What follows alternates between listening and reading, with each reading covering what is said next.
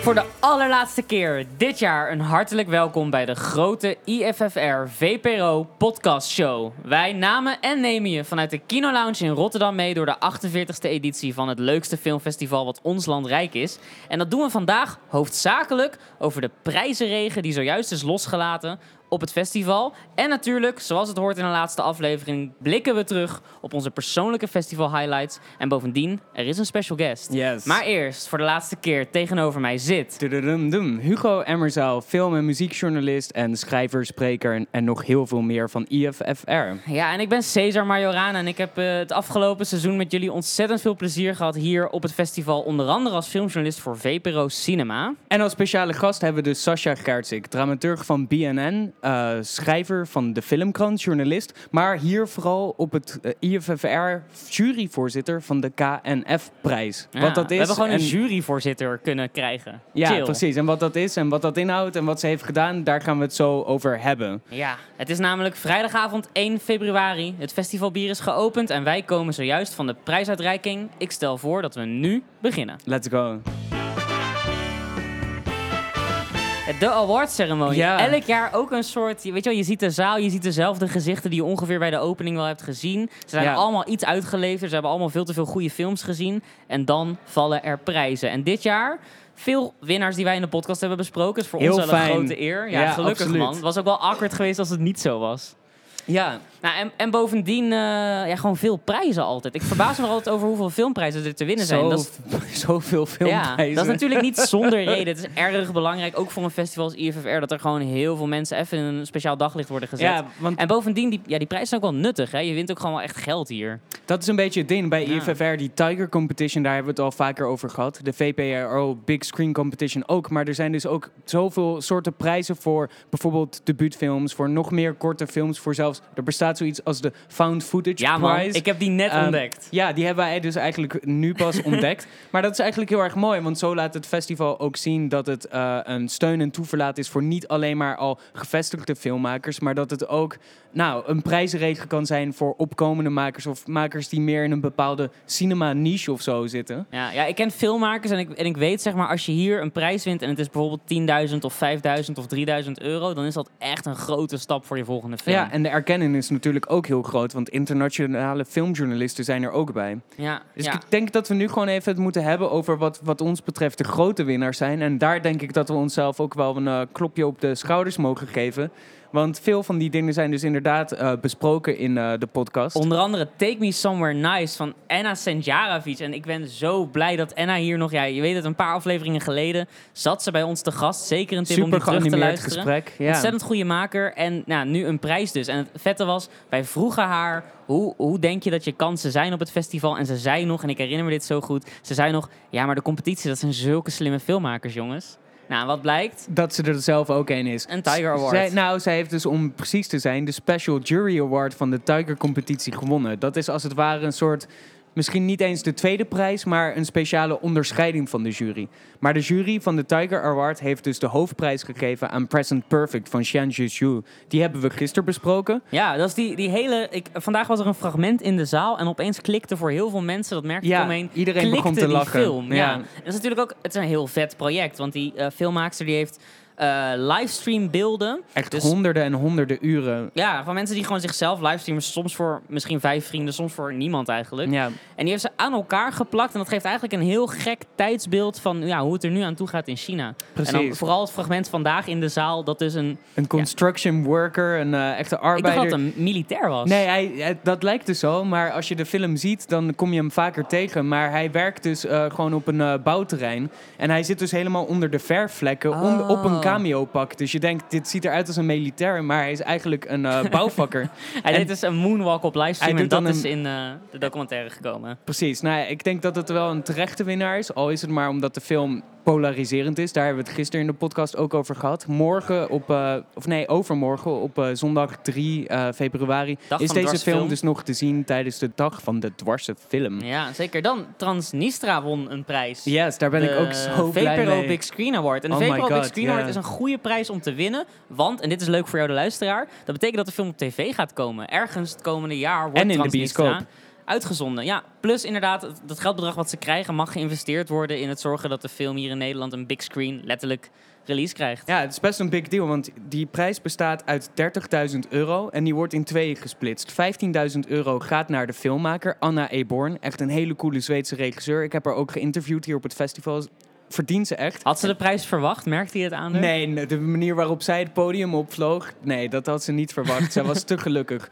En die andere eh, 15.000 euro die eh, zitten in die prijs, dat is ook heel leuk. Die gaan dus naar een distributeur in Nederland. En met dat geld kunnen zij dus de film eh, uitbrengen. Dus dit Ja. is er eentje die Weird, ik is... wist helemaal niet dat het geld kost om een... Bedoel, je denkt toch dat de bioscoop de film gewoon Ja, wil voor niets gaat als goed zon is? op. Ja, Cesar. blijkbaar. Natuurlijk kost dat geld. Blijkbaar. Oké, dan. En dit is totaal geen verrassing. Zeker de vaste... open deur. Ja, de, zeker de vaste luisteraars weten inmiddels hoe het zit. Maar Capernaum won natuurlijk de Audience Award. En dat is eigenlijk ook wel terecht. De film heeft inmiddels zijn landelijke release gehad.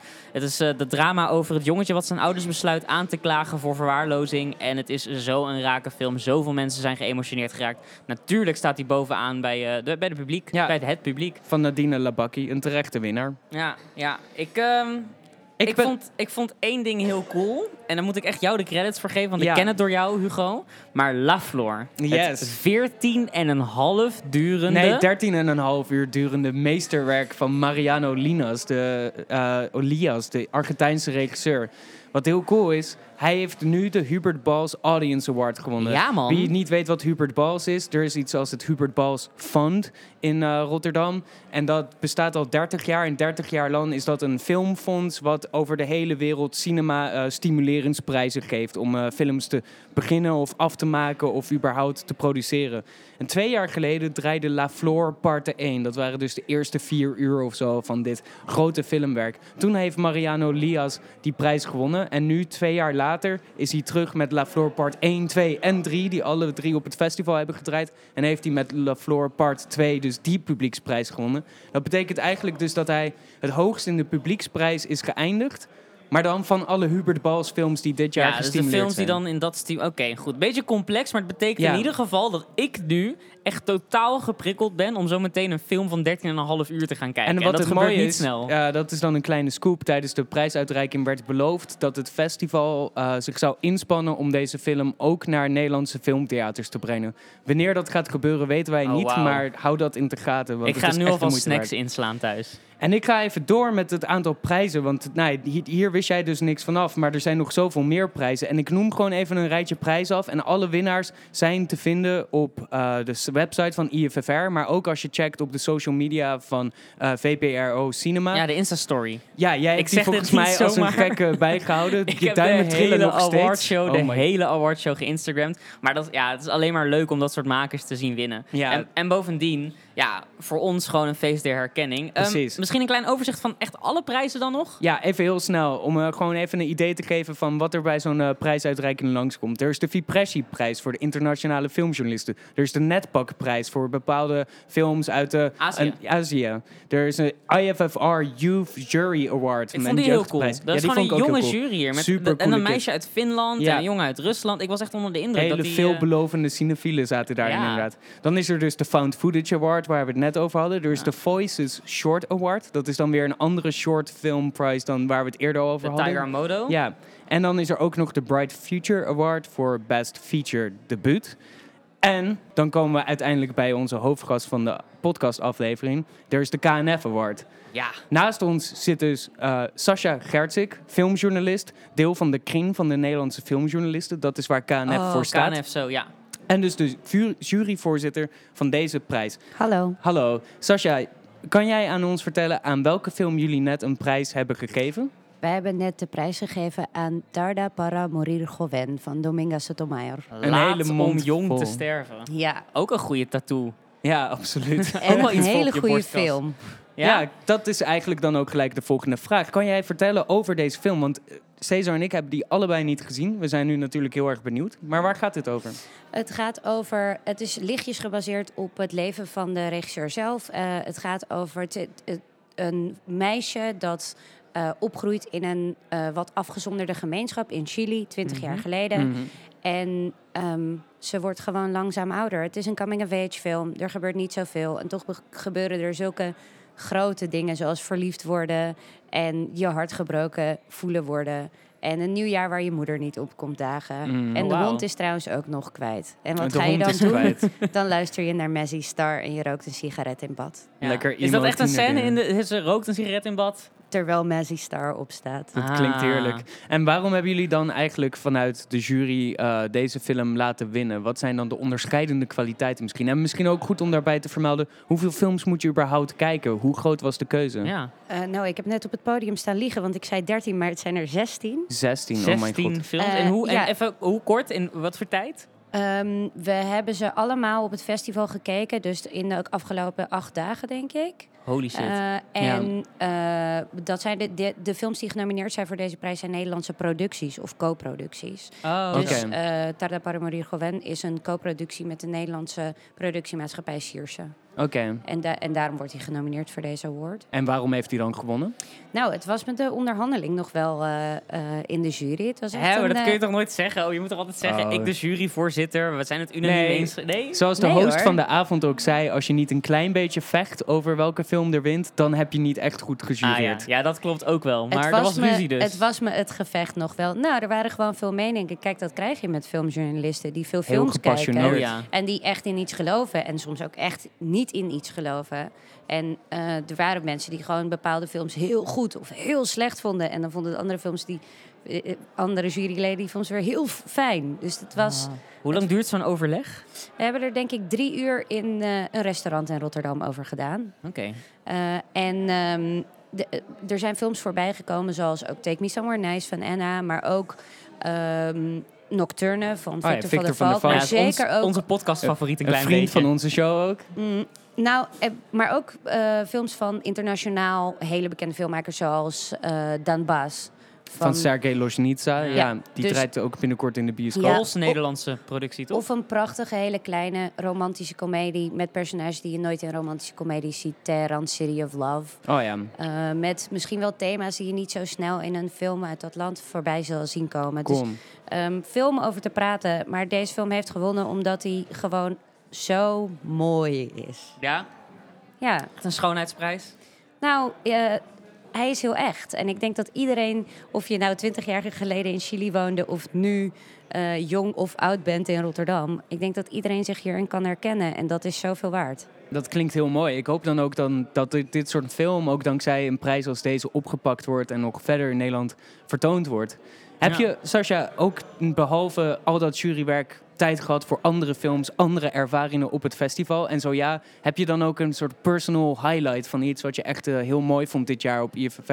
Eh, ja, dat heb ik zeker. Maar deze highlight wordt gedeeld door heel erg veel mensen. Het is Namelijk? namelijk de winnaar van de Big Screen Award, die dus nu ook de bioscoop in Nederland ingaat, Transnistra. Yes. Ja, Transnistra is alles wat ik in ieder geval wil in een film. Het is mooi en lief en heel echt. ja. Dat is een film over dat meisje wat dus zoveel jongens om haar heen, een beetje... Tanja, ja. Tanja. Ik ben ook verliefd op haar. En ik heb die film niet eens gezien, maar gewoon door hoe Hugo erover heeft verteld. Ik denk dat iedereen nu verliefd op haar is, maar ik denk dat ook iedereen gewoon herkent hoe het is om tiener te zijn op een plek waar je eigenlijk niet zoveel te doen hebt. Eh, en dus dat je gewoon maar rondhangt en Ja. maar doorgaat. Oké. Allerlaatste vraag, Sascha, maar ik wil het toch weten. Stel dat deze podcast nooit meer gaat gebeuren. Ik hoop het niet meer. Stel, een opportunistische vraag. Hoe kom ik in deze jury? Eh, lid worden van de eh, kring van Nederlandse filmjournalisten. En dan, eh, ja, van de KNF. En dan een mailtje sturen. En dan hopen dat ze je kiezen. Soms kan het zo makkelijk zijn en toch zo moeilijk. Zeker weten. Dankjewel, Wij gaan Sascha. door met Dank. onze festival highlights. Nou, van de ene highlight gaan we dan door naar de ander. Want ja, Cesar, we hebben natuurlijk al zoveel mooie dingen met elkaar besproken. Ja. En helaas, er was Ook er... slechte dingen hoor. Ja, dat Mag mag, gezegd ook. worden. Daar mag ook ruimte voor zijn, mag gezegd worden. Maar er was helaas één ding wat ik heb gezien en wat ik heb meegemaakt... wat ik zo graag had willen delen op deze podcast. Maar het ging niet, omdat de film draaide eigenlijk niet meer tijdens het festival sinds Huh? dat moment. Het Oh. eh, gaat over eh, Black Mother van Khalil Allah.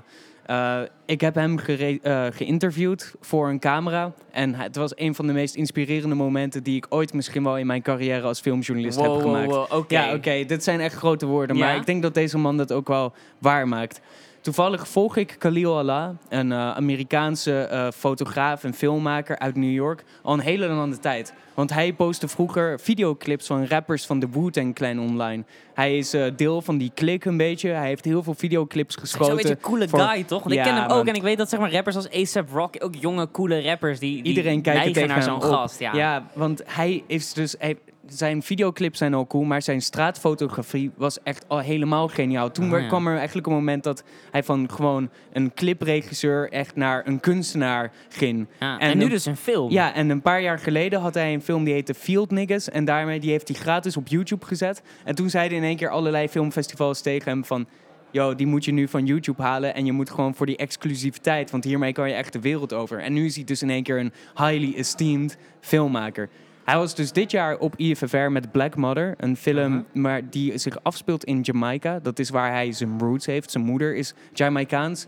En het heeft dezelfde soort stijl die hij ook in zijn, eh, zijn, zijn andere kortere films heeft. Namelijk dat hij mensen op straat eh, fotografeert, of eigenlijk op film vangt. En dat hij los heeft hij ook een eh audio-opnameapparaatje mee en praat hij gewoon met de mensen. En een soort van Ah, de dus audiospoor en het eh, videospoor, die staan los van elkaar. Oh, die komen dus ook je nooit... ziet die mensen, maar je hoort ook verhalen. Het het is dus eigenlijk alsof je in hun hoofd kijkt Het- dan. ja, ook. En een beetje alsof je een dubbele film krijgt. Omdat de audiolaag is eigenlijk één film. En de videolaag is weer een andere film. En het is zo rauw en echt en authentiek. En het gaat gewoon recht door de bullshit heen. Maar- en dat was dus het inspirerende Uh-huh. aan die ontmoeting met hem. Van, hij doet dat ook.